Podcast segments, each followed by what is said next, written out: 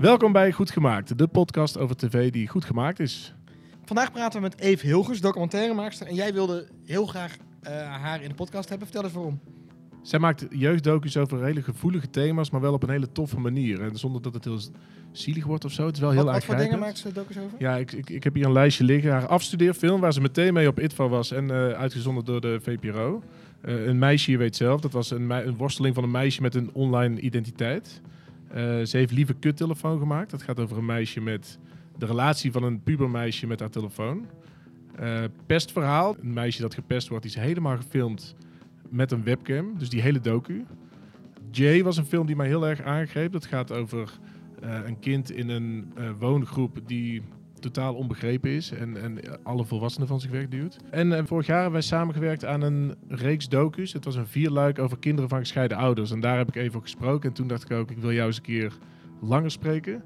De docus zijn niet bepaald hele standaard eh, verhaaltjes. Hè? Het is echt heel erg intuïtief bijna eh, op gevoel gemonteerd. Ja, het is ritmisch. Het is, eh, ze, ze laat heel veel informatie achterwege. Dus je moet als kijker ook wel aan de bak. Het is niet zo dat, dat je alles maar over je heen gestort krijgt. Eh, maar het is, ja, het is heel tof. En het is allemaal met jeugd, wat ik ook wel knap vind. Want, want er wordt wel eens gezegd, eh, je moet niet filmen met volgens mij dieren, geestelijk gehandicapte kinderen en bejaarden. Ja, Nou, zij doet gewoon een van die categorieën. ja doet zij. En dat lijkt me best wel moeilijk, want hoe win je het vertrouwen van een 14-jarige puber of een nog jonger eh, kind? Hoe maak je nou goede jeugddocu? En hoe komt zij tot die originele vertellingen? Dat wil ik ook weten. Veel Ja. plezier met Eve Hilgers.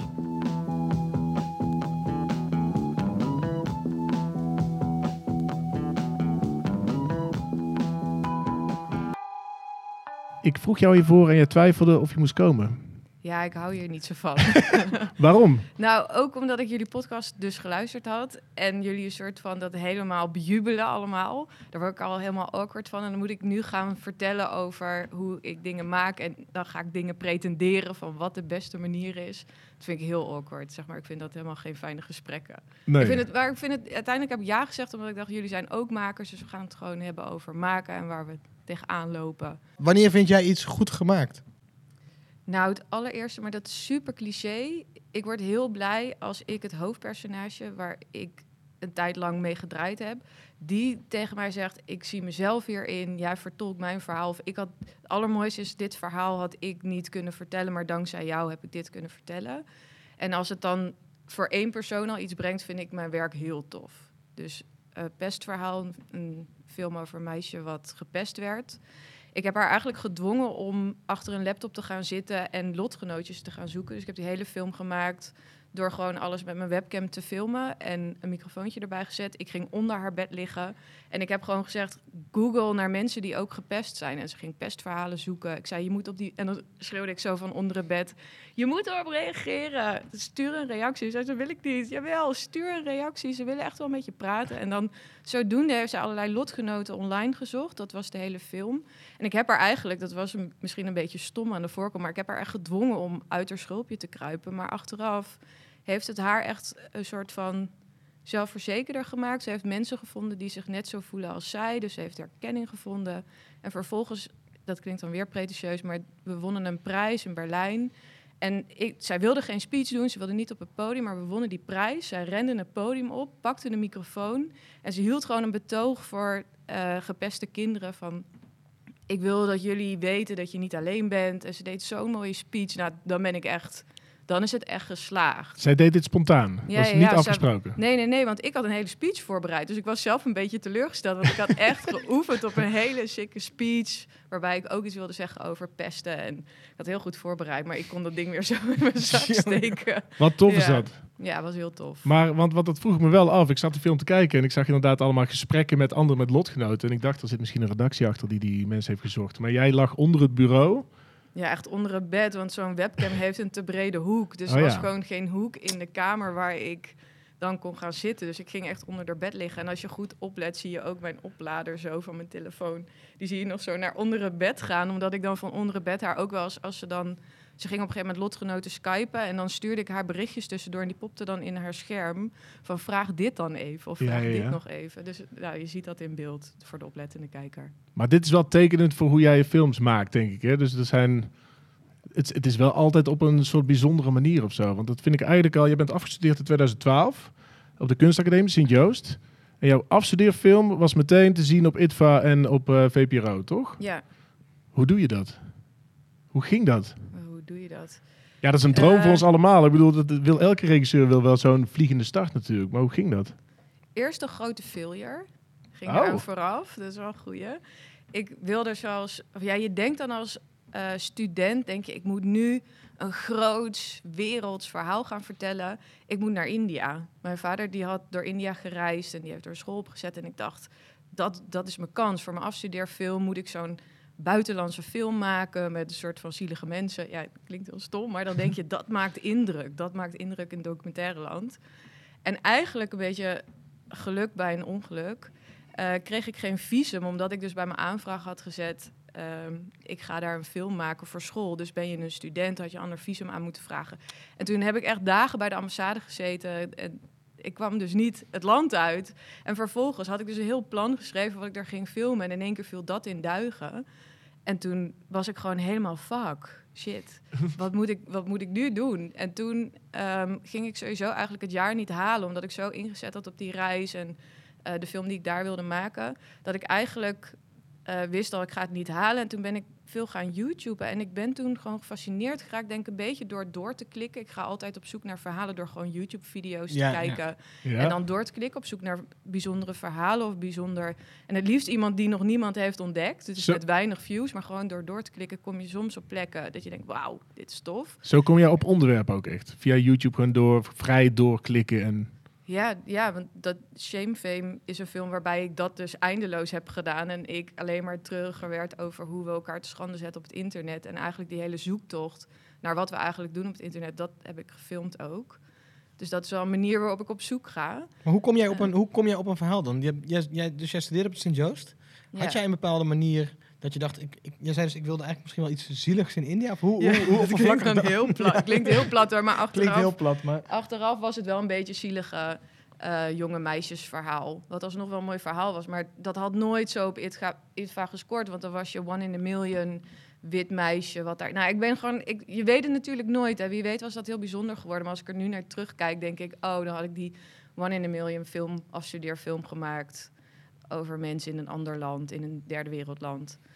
En ik ben toen gewoon op YouTube gaan zoeken. En waar ik toen gefascineerd door ra- raakte, waren jonge meisjes. Dat is echt tien jaar geleden. Jonge meisjes die gingen toen van die influencers nadoen. En dat was voor heel veel mensen echt onbekend. Heel veel volwassenen, ook toen de film uitkwam, waren echt, hadden echt van, wow, bestaat dit? Nee, maar nu, Maar dat- nu kent iedereen het natuurlijk. Maar toen helemaal niet. toen was dat echt een shock. Dus daarom was die film denk ik ook wel zo'n succes. Omdat het echt een voor kinderen was, het- die herkenden dit. En volwassenen dachten echt, wow, hier moeten we wat aan doen. Is dit de wereld waar tieners nu in leven? Die waren allemaal heel erg geschokt. Dus dan moest ik altijd in Q&A's vertellen van... nee, maar dit is gewoon hetzelfde als hoe ik puber. Alleen doen pubers het nu online. Dus zij gaan op, ook op zoek naar een eigen identiteit. En wie wil ik zijn? En eh, hoe wil ik overkomen? En dat doen zij nu online. En dat vond ik ook fascinerend dus aan al die meisjes die met dezelfde handgebaartjes eh, hun vlogs openden. Precies zoals al die influencers dat deden, van die beautymerken lieten zien. En dat vond ik fascinerend. Dus mijn film toen is gestart met gewoon montagetjes maken van die handbewegingen. Dus allemaal meisjes die elkaar naapen, bijna als een soort... ehm, Antropologie? Exact. Ja. eigenlijk dat studeren van wat doen jonge meisjes nu online. En dat ging ik verzamelen. Ik heb ze nog steeds eigenlijk best wel tof om daar nu weer iets mee te doen. Maar een soort verzamelingetjes van. Ze zijn nu allemaal natuurlijk tien jaar ouder. is best wel grappig om te kijken. Ja. hoe, gaat het, hoe gaat het nu Hoe gaat het nu met? Het is echt wel leuk, ja. Maar er, er zit in jouw films een, een zekere thematiek, volgens mij. Het gaat vaak over klein, wat kleinere verhalen, toch? Dicht bij, ehm, en, en vaak pubers, vaak jonge mensen. Ja. Eh, is, dat, is dat bewust of loop je daar gewoon tegenaan? Het is echt zo van het ene verhaal loop ik steeds door in het andere verhaal. Dus dan in mijn research kom ik verhalen tegen die dan niet passen binnen die film bijvoorbeeld. En dat je dan denkt, maar dit is een film. Pestverhaal begon door een mensjesrechten die ik eerder maakte over een meisje die uit huis geplaatst werd, maar zij werd ook gepest. En toen zag ik hoe zij online thuis echt in een groepsapp alleen maar haatberichten binnenkreeg. En ik zag gewoon hoe zo'n klein meisje thuis, waar je lekker thuis moet kunnen zijn, echt zo helemaal in één kroop. Gewoon van alle shit die ze door die telefoon kreeg. Dus toen dacht ik, dit is een film en het moet gaan over hoe zelfs je thuisplek niet meer veilig is. En zo is eigenlijk best het verhaal ontstaan. Omdat ik had van, het moet niet alle pestfilms gaan altijd over een soort van, ik ben zielig. Ook heel goed, een fantastische film toevallig van de week, vorige week, over ook een meisje wat zelfmoord had gepleegd. Echt heel goed. Maar ik wilde ook heel, heel erg laten zien, we haten heel erg op het internet en hoe heftig dat is. Maar ik wilde ook laten zien, online vind je ook lotgenoten. Dus zodoende is dat verhaal eigenlijk wat ik net vertelde. Dat meisje wat online door mij gedwongen werd om lotgenoten te zoeken. eh, zo is die film ontstaan. En wat opvalt bij jouw werk is dat het dan een hele duidelijke vertelvorm heeft. Dus deze film is helemaal door een webcam gefilmd. Mm. Wanneer, hoe kom je tot dat idee of zo? Want je ziet zo weinig dingen op tv die, waar, waar een hele duidelijke keuze gemaakt wordt door de regisseur. Zo ga ik vertellen. Vaak is het toch volgen en volgen een beetje veilig. Ja. Als je naar films kijkt, het, het, het voelt heel... Ik zocht het juiste woord, maar het voelt heel ehm, intuïtief of zo. Het is niet een duidelijk verhaaltje wat van A, A, B, C wordt verteld. Nee. Eh, Het is meer een soort van ehm, gevoel wat je overbrengt of zo, lijkt het vaak wel. Ehm, bijvoorbeeld eh, eh, Jay. Je ziet eigenlijk langzaam een soort verhaal ontstaan aan de hand van korte fragmenten van interviews met eh, Jay. En je ziet TikTok-filmpjes, je ziet eigenlijk eh, een soort ehm, korte abstracte fragmenten ook. Guess what? Do I look like I give a fuck? Fucking Zam. Ik zei toch, ik ben uitgepraat. En hoe gaan we dan jouw leven begrijpen? Dat ga je ook nooit begrijpen. En dan ga je ook nooit eh, achterkomen. Het is saai, het heeft stomme regels. En we kunnen gewoon even... Ik verveel me elke dag daar. En zijn op een groep dan andere regels als bij bijvoorbeeld je ouders? Ja, want daar doen ze alles voor jou, of wat dan ook. Hier moet je alles zelf doen. Would you like some pie, my child? I want chocolate. You do the cooking by the book, then you'll have Als het klokhuis het zou maken, dan zou het veel meer zijn van... Dit is D&D. eh, Dit ze is, dat. Jay. Ze, Ja, ze is is- uit huis geplaatst. Ja. Eh, ze ziet haar ouders nog heel weinig. En Ja. ze heeft heel veel zorgverleners die de hele tijd haar verhaal willen horen. Ja. Dat is eigenlijk het verhaal, maar dat wordt je nergens zo verteld. Nee, Nee. precies. Dus niet, ja, ik beslis ook niet zozeer het verhaal al vooraf dat ik ga maken. Of ik ga heel veel met een hoofdpersoon optrekken. Ik heb echt heel veel McDonald's van binnen gezien. Echt, eh, hoe vaak ik dus met kinderen dan naar de McDonald's ga. Het is ook een manier om eh, ze af en toe nog wat langer te laten draaien. Dat ik zeg van, oh, maar we gaan nog wel dit filmen. En dan neem ik je daarna mee naar de McDonald's. heel erg, maar het werkt. Ehm, maar ik trek gewoon heel veel tijd met ze op. En ik ga... Ik, word ook onderdeel van hun leven. Dus al heel snel, zeg maar de eerste keer als ik kinderen zie, vraag ik: heb je TikTok, heb je Instagram? Dan ga ik ze volgen. En zodoende krijg je beetje bij beetje wat mee van ook hun leven online. Want het leven is vaak online voor tieners. En een Ja. manier waar ze ook hun gevoelens uiten. En dit is nog voordat je gaat filmen, denk ik. Hè? Dit is gewoon ja. nog een soort voorbereiding. Ja. En bij Jay was echt een cadeautje. Want het moest een film. Het was eigenlijk een opdracht. Het moest gaan over een kind wat uit huis geplaatst was. En toen werd al Jay naar voren gebracht van dit, dit is een heel bijzonder kind. Dit, waarschijnlijk kan je wel iets met haar. Ze houdt heel erg van video's en optreden en verkleden. Maar vervolgens kwam ik dus bij haar en toen zei ze op een gegeven moment... ja, ik maak ook TikTok-filmpjes, zei ik laten zien. Nou, en toen kwam er een schatkist aan filmpjes. Dus dat was eigenlijk een cadeautje dat zij eigenlijk TikTok gebruikte... als een soort uitlaatklep voor dat wat ze in het dagelijks leven... zelfs in de film met mij, wat ze niet kon uiten. Dus al haar gevoelens, boosheid, blijheid... dat uitte zij in haar TikTok-filmpjes en op zo'n bijzondere manier. Want ze verkleden helemaal met pruiken en echt niet als een doorsnee tiener. Dus dat was een cadeau... Maar eigenlijk pas in de montage, denk ik, of echt later in het proces besefte ik, ik kom niet tot haar door. Of ik krijg eigenlijk geen grip op haar. En zij duwt alle volwassenen in haar leven die iets van haar willen, duwt ze weg. En de manier om haar verhaal te vertellen is via TikTok. Dus ik moet wat doen met die werkelijkheid. En haar TikTok-filmpjes die daar dan op reageren. En eigenlijk een antwoord geven van dit gaat er in mij om. En dat is dan Ehm, buiten dat ik dan in de werkelijkheid haar verhaal probeerde te vangen, dichtbij er te komen, eh, is het ook echt een montagefilm waarbij we gekeken hebben hoe kunnen we haar verhaal vertellen door heel lang heel veel tijd met haar door te brengen hoe kan ik haar verhaal vertellen met die filmpjes? En er zitten allerlei verwijzingen in die niemand weet. Het gaat echt over het huiselijk geweld thuis. En ehm, omdat ze dan bebloedt.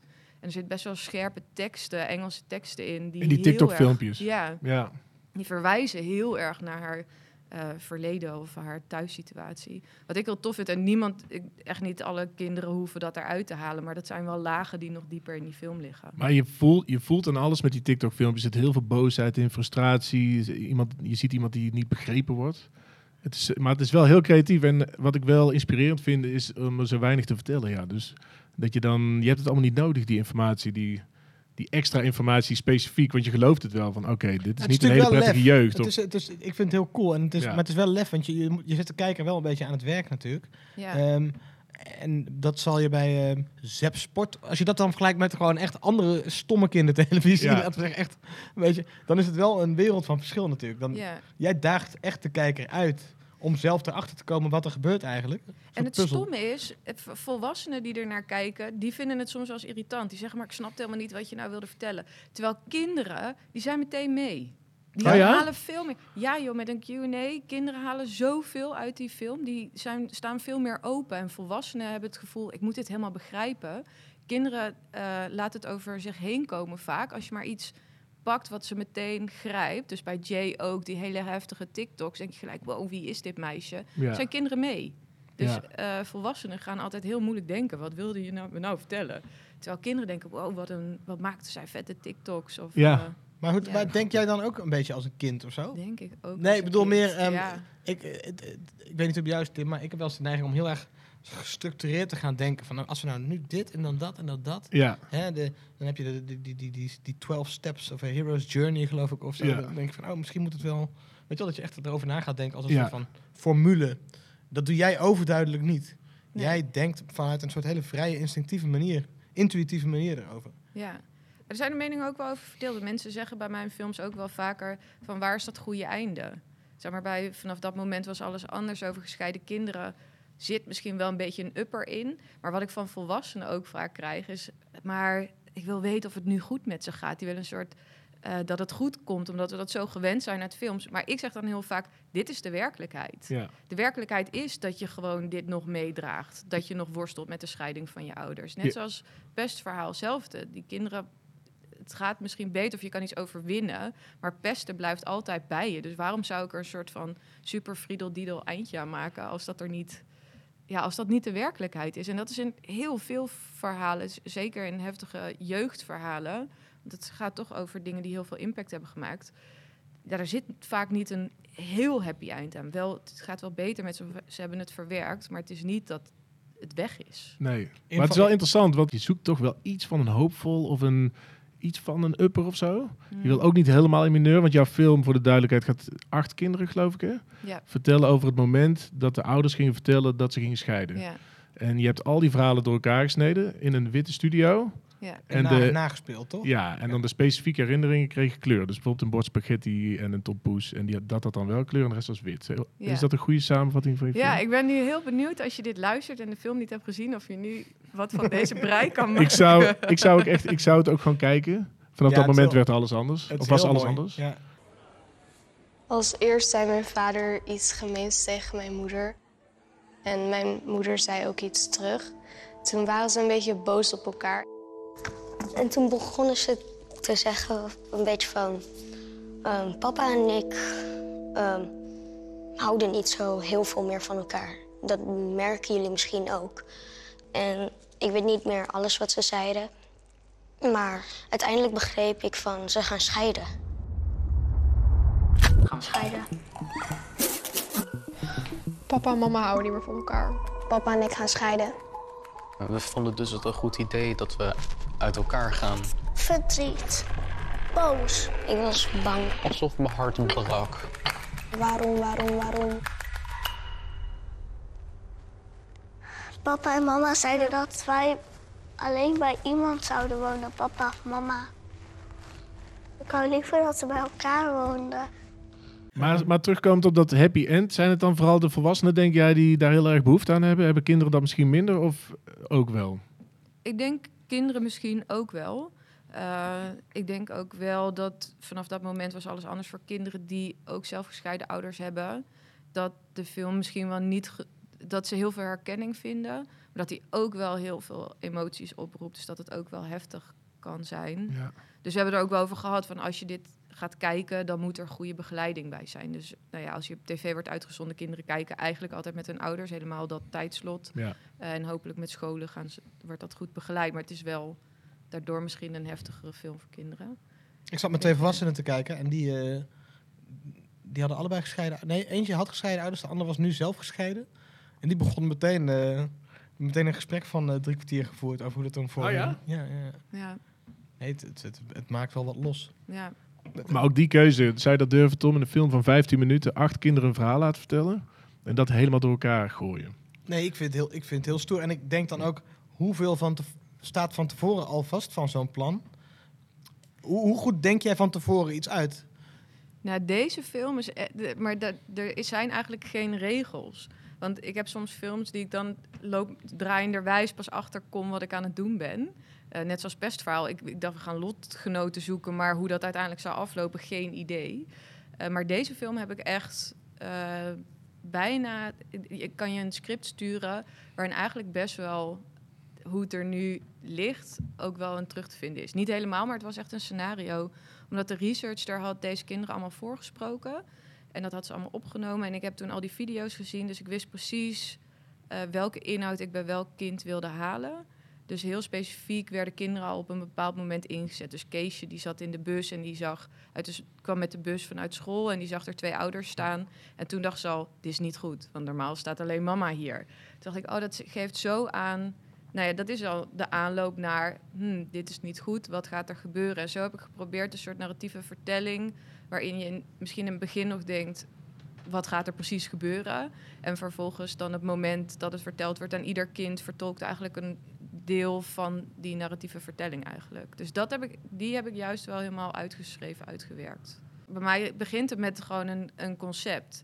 Ik begin veel vaker vanuit een soort ideetje. eh, dus ik ga met een meisje terug, eh, allemaal lotgenoten zoeken online. Dat wilde ik alleen in haar laptop filmen. Dus je ziet alleen haar desktop en haar webcam. Het is gewoon een conceptje. En dan zie ik het wel. Eh, lieve kuttelefoon liet ik een meisje elke avond eh, WhatsApp berichtje, of die liet ik mij een WhatsApp voice berichtje sturen met wat zij die dag had meegemaakt in haar telefoon. Dus ik heb toen twee maanden lang voice berichtjes verzameld van haar, niks gedraaid. En aan de hand van die voice berichtjes ben ik eigenlijk met haar gaan draaien.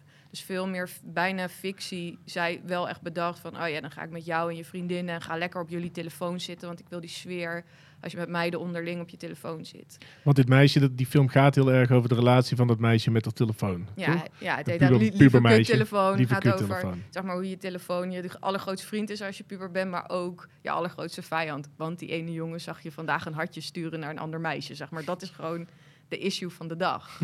Maar het gaat er dus wel, er is wel een moment in, in jouw, eh, ja, in de ontwikkeling van die film, dat jij bedenkt, ik ga haar nu twee maanden lang eh, voice memo's laten inspreken en dat wordt de basis van mijn film. Ja. Ja. Dat is wel iets, dat is een punt, zeg maar, waar, waarvan ik denk dat heel veel regisseurs dat moment niet hebben en dat ze dan gewoon gaan filmen en dan ontstaat er een soort klassieke vertelling, wat ook heel mooi kan zijn. Ja. Maar er zit toch, ga je dan, dan, dan ook al naar op zoek in het begin, dat je denkt, hoe, naar een soort vorm of zo, of iets bijzonders? Dat, va- dat komt gewoon. Ja, klinkt heel stom. Maar bij mij komt dat gewoon. Lieve kuttelefoon. Dat idee van die voice-appjes kwam omdat ik in de research klas, klassen afging en gewoon vroeg naar wat er gebeurde in een telefoon. Ging gewoon in een soort groepsgesprek. En toen kwam ik op een gegeven moment op een school en die hadden, daar mocht ik bij in de dramaklas komen. En mocht ik langskomen. En toen zei die dramadocent, weet je wat we doen? Wat wel een leuke opdracht is, zodat we ook een beetje drama doen, is dat ze een brief schrijven naar hun telefoon.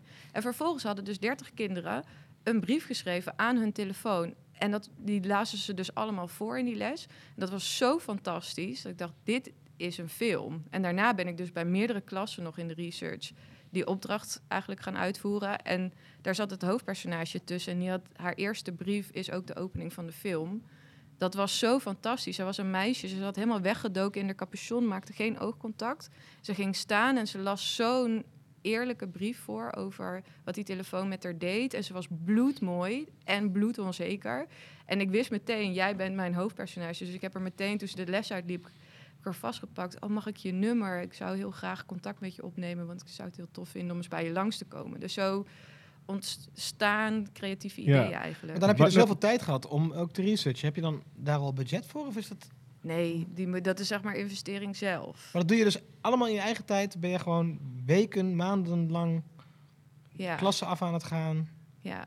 Maar als dan die film Tim, verkocht op, wordt... Dit, dit is toch echt... Dit is wel Ja, maar als die film... liefde voor het vak. Ja, maar als die film verkocht wordt, eh, krijg je dan die dagen wel uitbetaald of is het gewoon allemaal gone? Nee, dit was in de tijd dat ik echt net was afgestudeerd en dat je super blij bent als je weer een nieuwe film mag maken. Ja, maar je werkt nog steeds, je werkt nog steeds wel op die manier, toch? Ja, Dus ja daar zouden ze eigenlijk iets aan moeten doen. ja, dus dat nee, is toch dat is een probleem in onze business Ja. misschien wel. Ja, maar dit is wel leuk. Ik weet niet, misschien veel makers weten dit, maar je kan bijvoorbeeld bij de VFAM 5000 euro aanvragen. En hoef je geen producent te hebben, echt alleen maar een conceptideetje. En daarmee kan je dus verder researchen. Dus er zijn best wel plekjes waar je eigenlijk met dit soort ideetjes ook best wel terecht kan voor wat geld. Ja. Ja. Kan je eens uitleggen, je maakt een jeugddocu en je zoekt inderdaad een hoofdpersoon, vaak kinderen. Wanneer, denk, je- wanneer gaat nou bij jou, eh, wanneer denk jij, ja, dit is, dit is mijn hoofdpersoon? Ik denk dat het hetzelfde werkt als bij het casten van een kind voor een fictiefilm. Je ziet, ja, je ziet het gewoon. Ik zie eh, de- bij Claudia dus dat meisje met haar telefoon. Die, ik, ze was bloedmooi en bloedonzeker en zo openhartig. Zeg maar, het is een soort combinatie. Zo dik alle boksen. Ja. Er zijn zo van die boksen waarbij je voelt... Jij, noem ze eens op, de boksen. Nou, één heel belangrijke die volgens mij bij al mijn kinderen terugkomt. Ja, behalve Jay, want Jay had hier natuurlijk moeite mee.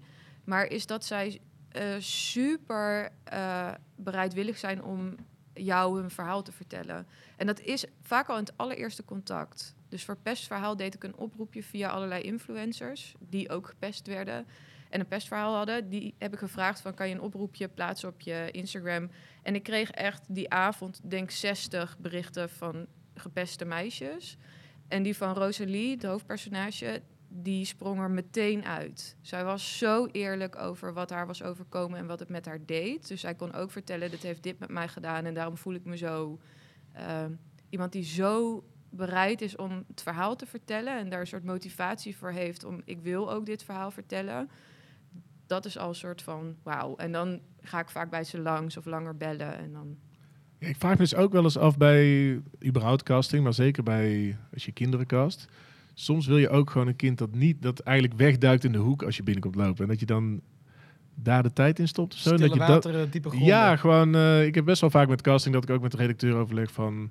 Ga dan niet meteen op de grootste schreeuwlelijk af die, eh, die op je afkomt en die eh, de clown uithangt. Maar probeer ook even te kijken wie een beetje wegduikt of zo. Want vaak zitten daar toch ook alweer de verhalen. Maar het zijn dus ook vaak niet de, de kinderen die ik gefilmd heb, zijn niet de kinderen die meteen hun vinger opsteken. Maar wanneer zij een momentje met jou alleen hebben, wel jou onwijs vertrouwen. Ja. Dus waarbij die waarschijnlijk een soort connectie. Die, ik denk dat het ook een soort wederzijds vertrouwen is. En daar wordt het ook gevaarlijk. In het geval van Jay is dat ook wel een gebied wat je heel goed moet bewaren, omdat dit natuurlijk super eh, gevoelige meisjes zijn. Eh, Want we, het gevaar is dat zij jou gaat zien als vriendin en dan teleurgesteld is daarna? Of? Ja, want je gaat op een gegeven moment weer uit hun leven weg. Dus Ja. je hebt een soort Oh, ja. lijn dat je heel dichtbij wil komen en vriendschappelijk met ze wil zijn. Eh, en een ja, een lijn dat je daar dan, ja, je moet, dat is heel, eh, heel dunne lijn. En ja. die heb ik al echt, toen ik net afgestudeerd was, heb ik ook door een eindredacteur, die heeft dat ook wel eens tegen mij gezegd. Van je moet wel oppassen met hoeveel je van jezelf geeft. Ja. Maar ik vind dat heel moeilijk, want ik merk gewoon als jij heel veel geeft en de aandacht geeft, ook buiten je, dat je niet maar zomaar komt halen, wat echt veel makers toch doen. En helemaal bij jeugd, want je krijgt ook maar zes draaidagen, of misschien zelfs maar vier in sommige gevallen. Dus dan moet je halen. Ja. En heb je weinig tijd, krijg je weinig betaald, dus die, die aandacht is er misschien niet. Terwijl dat zo essentieel is om een mooi verhaal te vertellen. En ja, ja. En je maakt nu vooral, eh, je maakt veel jeugddocumentaires. Waarom, wat vind je daar leuk aan? Wat trek je daarin aan? Ik vind jongeren mij vooral heel erg prikkelen, ook in de vorm. Jongeren eh, lopen tegen zoveel dingen aan in het leven en kunnen dat op zo'n bijzondere manier benoemen.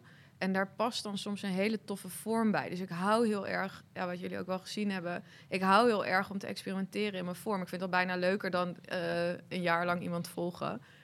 Ehm, dat, ik, dat ik dus de mogelijkheid krijg om weer een nieuw experiment aan te gaan. Dus ook met, met die studio met gescheiden ouders, dat, dat ik, heb ik mezelf iets opgelegd van, oh, je moet dus iets anders maken dan bij kinderen thuis. Of ik was misschien ook een beetje beu om elke keer dan zes dagen lang bij kinderen thuis zo'n worsteling aan te gaan. Ja. Dat ik dacht, ik wil het anders. Gewoon meerdere kinderen, eh, niet één kind peuren, maar heel geconcentreerd, heel diep graven. En dan, ja, dan op een gegeven moment vallen dus allerlei vormideeën samen. Dat vind ik leuk. Ja. Maar zou dat voor volwassen docu, om het zo maar te noemen, niet kunnen? Jawel, Die speelse, speelse manier van maken? ja, zeker. Maar voor volwassenen kom je al bij langere lengtes uit. Ja. Ehm, en dan heb je meer nodig dan alleen een vormconcept. Ja. Eh, Je komt bij langere, langere lengtes uit omdat het nou eenmaal zo gaat. Eh, ja, bij volwassenen. dat, zijn- moet, dat zijn de vereisten eigenlijk van een langere Ja, nou ja, dan kom je, je kan wel 25 minuten voor volwassenen maken. Dus het kan wel. Ja. Eh, maar het neemt niet weg dat op een gegeven moment... Ik word ook heel erg moe van het labeltje... je maakt alleen maar jeugd. Ja. Ook omdat, en dat vind ik echt heel kwalijk... is omdat in Nederland nog steeds jeugd ook als het soort van opstapje gezien wordt... om uiteindelijk lange volwassen documentaires te maken. Terwijl jeugd zo'n vak apart is... waarbij ik het eigenlijk zonde vind dat altijd een soort nieuwe aanwas van jonge makers dat gaat maken... waardoor je eigenlijk het hele format van jeugd niet verbetert... want al die mensen vliegen weer weg. Terwijl... eh, ja, je kan zoiets tofs maken voor jeugd en heel erg goed in worden. Er zijn een paar makers die meer jeugd maken, waarvan ik echt denk, die hebben eh, het genre echt vooruit geholpen. Maar daarmee ook eh, langere films geïnspireerd. Juist omdat je in, in korte dingen juist in vorm kan experimenteren, heeft dat denk ik ook wel geholpen bij langere films. Of Wie- is, dat ook wel een inspiratiebron? Wie zijn jouw grote inspiratiebronnen? Zijn er, zijn er Nederlandse makers of internationaal die... eh, Op jeugd? ja, jeugdgebied? Eh, ik vind Martijn Blekendaal, wat hij heeft gemaakt, bijvoorbeeld de man die voorbij de horizon keek, echt heel tof. Want het concept, ik ga een film maken zonder dat een, een film voor jeugd maken zonder dat daar jeugd aanwezig is. nou, in de tijd dat dit gemaakt werd, toen was dat echt een no-go. Ook lag de grens altijd heel erg van, mag niet, een kind mag niet ouder zijn dan 14. Ik heb zo vaak geworsteld, want dan heb je een kind van 15, die kan zo goed iets verwoorden. En dan paste het gewoon buiten wat ze voor jeugd wilden. Terwijl ik altijd had, een kind van 10 kan ook nog steeds naar een kind van een jongere van 15 kijken en er nog steeds iets uit opsteken. Dus waarom ligt die grens? Of ja, Ja, maar juist misschien wel ook, toch? Je kijkt, je kijkt toch als kind juist naar Ja, iemand die een beetje ouder is, dat je denkt, oh, omhoog. tof. Ja, precies. Ja. Een paar jaar in ieder geval. Misschien Ja. niet te veel. Ja, zeker. Ja, wij- dat deden wij vroeger toch ook. Ja, naar je broer of zus of zo, toch? Dat ja, denk op een gegeven moment had je leeftijd dat spuiten en slikken super spannend was. En dan eigenlijk viel je nog binnen de jeugdnormen. Maar bijvoorbeeld iets als spuiten en slikken was super spannend. Of Ja. eh, ja, juist alles wat een beetje eh, Ja. buiten het randje was, dat was leuk. Dus waarom Ja. niet? ja, en Martijn ging dus met volwassenen een jeugddocumentaire Ja, die maken. heeft dus gewoon een, vol, een ver- verhaal over een volwassene, helemaal met archief. Ja, het gaat zien. Dit is echt een, Ja, ik heb hem echt gezien. een hele toffe Ja. vorm voor jeugd. En ik vind het ook heel... Want er komt volgens mij nu een langere serie ook in hetzelfde vorm. Want denk ik, ja, daardoor maakt hij... Hij heeft eigenlijk voor gezorgd dat die grenzen wat opgerekt werden. En dat vind ik heel... Vind ik leuk. ja. Ja. Maar als je nou ja, naar je eigen ambities gaat kijken, is dat... Wil je gewoon heel graag jeugd maken? Wil je, heb je ook wel andere ambities? Nou, ik wil heel graag een lange jeugd maken. Ja. Eh, dat is eigenlijk nu mijn de top of the list, zeg maar. Want dat kan. Die had nu dit jaar Shabu op het eh ITVA. Heeft nu een prijs gewonnen in Berlijn. Oh. Waanzinnig. Die gaat straks in de bioscoop draaien, denk ik. Maar een jeugddocumentaire, lange film. Maar is gewoon, denk ik, nog toffer om naar te kijken dan eh, zo'n Nederlandse fictiefilm. Echt. Ja? Oh, ja, ja? echt. Oh, Maar is het Hij- 90 minuten dan wat je wil maken? Is dat... Ja, ja. Is ook spannend lijkt me. Als je inderdaad wat je zegt van die, die vormpjes, bijvoorbeeld bij eh, de gescheiden ouders. ja. Dat, dat, hou je niet, dat ga je wel weer iets heel anders maken waarschijnlijk. Maar het is wel weer een nieuwe uitdaging. Ja. Dus zo zoek ik iedere keer een soort nieuwe uitdaging. En de uitdaging is dan om een personage te vinden, of personages te vinden, die 90 minuten spannend houden. Ja. En die van een sperm scherm afspatten. Zeg Ja. maar. ja. Ja. Broed je al op een idee? Ja, ik, überhaupt? ja, ik Ja. moet op een idee. Ja, ik zie het aan je. ja. Helemaal dat te heel- Het is altijd heel gevoelig als je over iets praat terwijl het nog niet iets is. Nee, waarbij ook nog soort van heel veel rafelrandjes aan je plan zitten. Dat als ik het nu pitch, dat jullie zeggen, oh, maar heb je daar al aan gedacht? Nee. Oh ja. Oh nee. Maar hoe maak je het 90 minuten lang spannend inderdaad? We- Weet je hoe je dat gaat doen? Ja, je hebt, nou ja, Shabu is nu een groot voorbeeld. Dat is gewoon zo'n bijzonder personage. Eh, een jongen die in eh, Rotterdam woont, in een flat, de paperclip. Eh, nou, hij is al gewoon, wat we zeiden, daar voel je... Ik denk dat de, de regisseur daar ook bij gevoeld heeft van... deze jongen is echt bijzonder. Gewoon in hoe hij eruit ziet, hoe hij praat, hoe hij doet. Hij spat gewoon van het scherm af. Hij is gewoon super kleurrijk gekleed. En heeft vervolgens dus, en toen, dat weet ik toevallig, maar dat toen hij de auto van zijn oma in de prak reed. Eh, en hij daar dus schuld voor moest betalen. Toen dacht zij, dit is een film. Nou, dan heb je, je hebt gewoon een hoofdpersonage nodig die iets gaat doen. Die je dus misschien voor langere tijd kan volgen. Of eh, een super strak voor. Het, is niet per se een regel, denk ik, dat je een personage moet hebben die iets gaat overwinnen of die iets gaat doen. Maar je kan ook iets heel straks bedenken. En dan kom ik bijna bij mij. Ik raak bijna nog met nu film pitchen. Nee, maar. eh, of een heel goed doordacht format waarbij een ontwikkeling zit voor 90 minuten. Ja.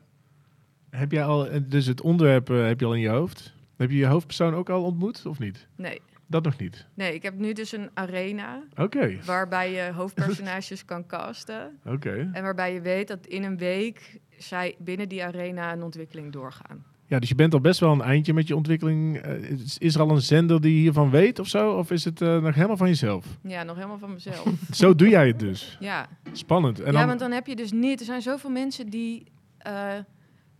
ik hoop niet dat te veel mensen bij de omroepen luisteren, maar er zijn... Iedereen luisteren het. gaat echt heel, heel veel rond. Ja, dat valt mee. Nee, maar wat soms moeilijk is, is eh, je moet soms in het veld staan. Wat ik, dat is mijn manier van regisseren. Ik zeg niet dat dat voor iedereen geldt, maar ik regisseer heel erg vanuit de wereld. Dus ik ontmoet mensen, ik praat met ze, ik duik erin en voel dan pas dit is een film. En het is soms zo moeilijk als je de hele dag achter je computer in Hilversum zit, dat soms te begrijpen of te voelen wat het dan is. En dan komen ze soms met commentaren, omdat ze dan een andere film in hun hoofd hebben als voorbeeld. En dat matcht nog niet bij wat ik wil. Dus zo lang mogelijk hou ik die mensen die allemaal dingen op jou gaan projecteren. Van, terwijl zij binnen zitten en ik buiten in het veld, die hou ik zo lang mogelijk buiten totdat ik ze.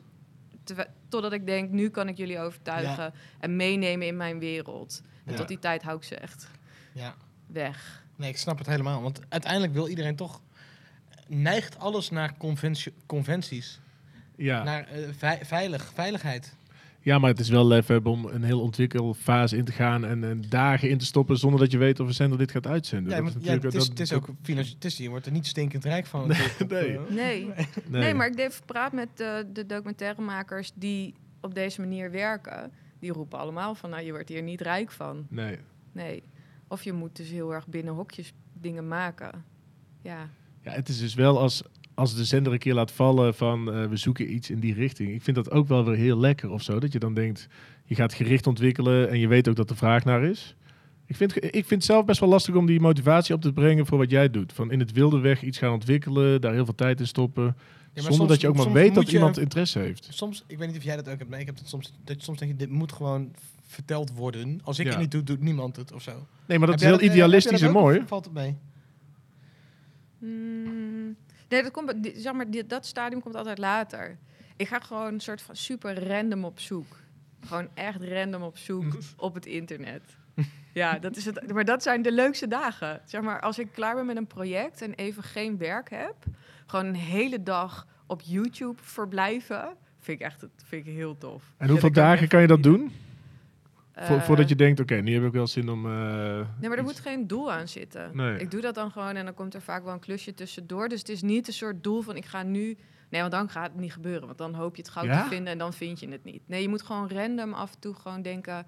Nou, vandaag heb ik niks te doen. Nou, ik ga eens YouTuben. dat klinkt heel en dan stom. komt het. Als je gaat kijken naar je eerste films, Ja. wat, wat zie je dan nu aan dingen dat je denkt, oh ja, dan ben ik inmiddels, doe ik dat echt wel anders. De grootste lessen die je geleerd hebt misschien. Hmm, dat stofzuigen wat je deed. Weet je, dat je het gevoel hebt dat je alles moet draaien. Dat je overal bij moet zijn en eigenlijk soort van er achteraan loopt. Ja, dat op de academie noemen ze dat echt, je bent wezen stofzuigen. Dan kwam met bakken materiaal Ja. terug. En dan dacht je, dan heb ik het maar. Terwijl het zoveel beter is. Ik heb wel echt geleerd dat het heel goed is om een plan te schrijven. Want toen ik net afstudeerde, dacht ik, jezus, dan ben ik eh, drie maanden bezig met het schrijven van zo'n plan. En dan heb ik eigenlijk in die tijd dat ik die film al kunnen maken. Maar nu weet ik, als ik de tijd neem en ik vind plannen schrijven de hel, dus altijd huilen. En dan denk ik, ik kan dit niet, ik kan niet schrijven, ik krijg het niet op papier. Maar met je daar doorheen worstelen zorgt er wel voor dat je heel scherp weet, wat ga ik maken, hoe ga ik het maken. Eh, en daardoor weet je crew ook heel duidelijk wat je gaat doen. Want zodra je dat dus eigenlijk niet duidelijk weet, ga je dus een beetje van alles doen en heb je net niks. Ja. dit vind ik heel herkenbaar. Dit, deze, fout, nee, maar deze fout maak ik nu nog zelfs. Ja. Eh, ook uit veiligheid, omdat soms gewoon, je, je maakt iets met een team en dan zegt hij, ja, maar dit is interessant, dat is interessant. Geen keuze durven maken en dan een beetje alles en daardoor eigenlijk niets. ja. Eh, En dat doe je nu niet meer. Nee, want jezelf dus beperken door jezelf dus al regels op te leggen van ik ga alleen maar in, het slaapkamer van, in de slaapkamer van een meisje op haar laptop dit draaien. Ik ga er niks rondomheen poeha. Maakt dat dus super eh, klein en gaat het ook het hele concept nog wat zeggen. Ja. Want het gaat over haar slaapkamertje, wat haar veilige omgeving moet zijn. Die eigenlijk in de film steeds meer een veilige omgeving wordt. Dus dat in één keer krijgt door heel scherp te kiezen de beperking maar zorgt eigenlijk altijd voor dat het scherper wordt. Ja. Dus zelfs als je tijdens het draaien door eh, het weer of weet ik veel, door dingen beperkt wordt, dan maak ik de beste dingen. Ga maar eens na. Ga maar eens nadenken over momenten dat je eigenlijk dacht, dit zit me helemaal dwars, want ik word nu gedwongen heel erg een keuze te maken. Het zijn altijd hele goede keuzes. Daardoor Ja. draai je misschien wel, eh, nu mijn laatste project, draai je dan, neem je de keuze, ik draai maar één shot. Ik ga niet wisselen. En tijdens het draaien heb ik echt zo vaak gedacht. Oh shit. Kut, hoe kan je dit monteren? dit krijg je nooit voor elkaar. En uiteindelijk denk ik, dat weet ik nog niet zeker, maar gaat dat onwijs goed werken. Want je hebt dat ene shot en in dat plaatje gebeurt alles. Dus jezelf beperken super spannend, maar levert altijd iets scherps op. Gewoon veel scherper dan alleen maar een beetje alles laten zien, want alles is niks. Ik denk ook dat, dat, dat veel creatieven er ook wel baat bij hebben dat ze bijvoorbeeld worden afgegrensd door tijd of budget. Want als jij oneindig budget hebt en oneindig veel tijd en alles kan, dan, dan, dan komt er gewoon niet zoveel voor elkaar. Nee. Nee, maar die, de beperkingen omarmen is misschien wel inderdaad eh, wat de pareltjes oplevert. Bijvoorbeeld een Jay die niet wil meewerken, die dan de hele tijd zegt, ga weg, ga, ga weg, ga weg, ga weg. En dat, dat dat dan de film wordt. Nee, maar het gaat wel over dat, eh, dat zei iemand anders in, ook in jullie podcast. Dat eh, wanneer je denkt dat het misgaat, dat vaak daar je inhoud zit. Ja. Dus op het moment dat Jay zo tegenwerkt, dat je denkt, ik kan er niet meer filmen. Op een gegeven moment zei ze ook, ik wil niet meer filmen. Ja. Eigenlijk is daar gebeurt het meest interessante, want waarom wil je niet meer filmen? Dat zegt zoveel over je personage. Eh, dus vaak zit in dingen die mislukken juist de inhoud van je film. Dus je moet dan niet gaan balen, maar Ja. gewoon denken, waarom gebeurt dit? Ja. En wat ga ik daarmee doen? Eh, wat zou jij jonge makers eh, meegeven? Mensen die nu eh, tien jaar voor jou zitten in een maakproces. Oh, durf, durf veel meer je gevoel achterna te gaan. En eh, neem de tijd om onderwerpen echt te begrijpen. En voordat je pas een keuze maakt hoe die film eruit moet komen te zien. Ik denk dat, maar dat is een beetje door het gesprek wat wij nu gevoerd hebben, dat ik dat heel erg besef ook wel, dat ik het nu zelf zeg. Eh, van ja, ga, duik vooral een wereld in of leer een hoofdpersonage echt door en door kennen. En heel vaak in die zoektocht, in de gesprekken, kom je altijd iets tegen wat jou als maker prikkelt. Dus wees ook niet angstig. Dat komt vanzelf, maar soms heeft dat wat tijd nodig. Eh, ja. Dankjewel. ja, graag gedaan.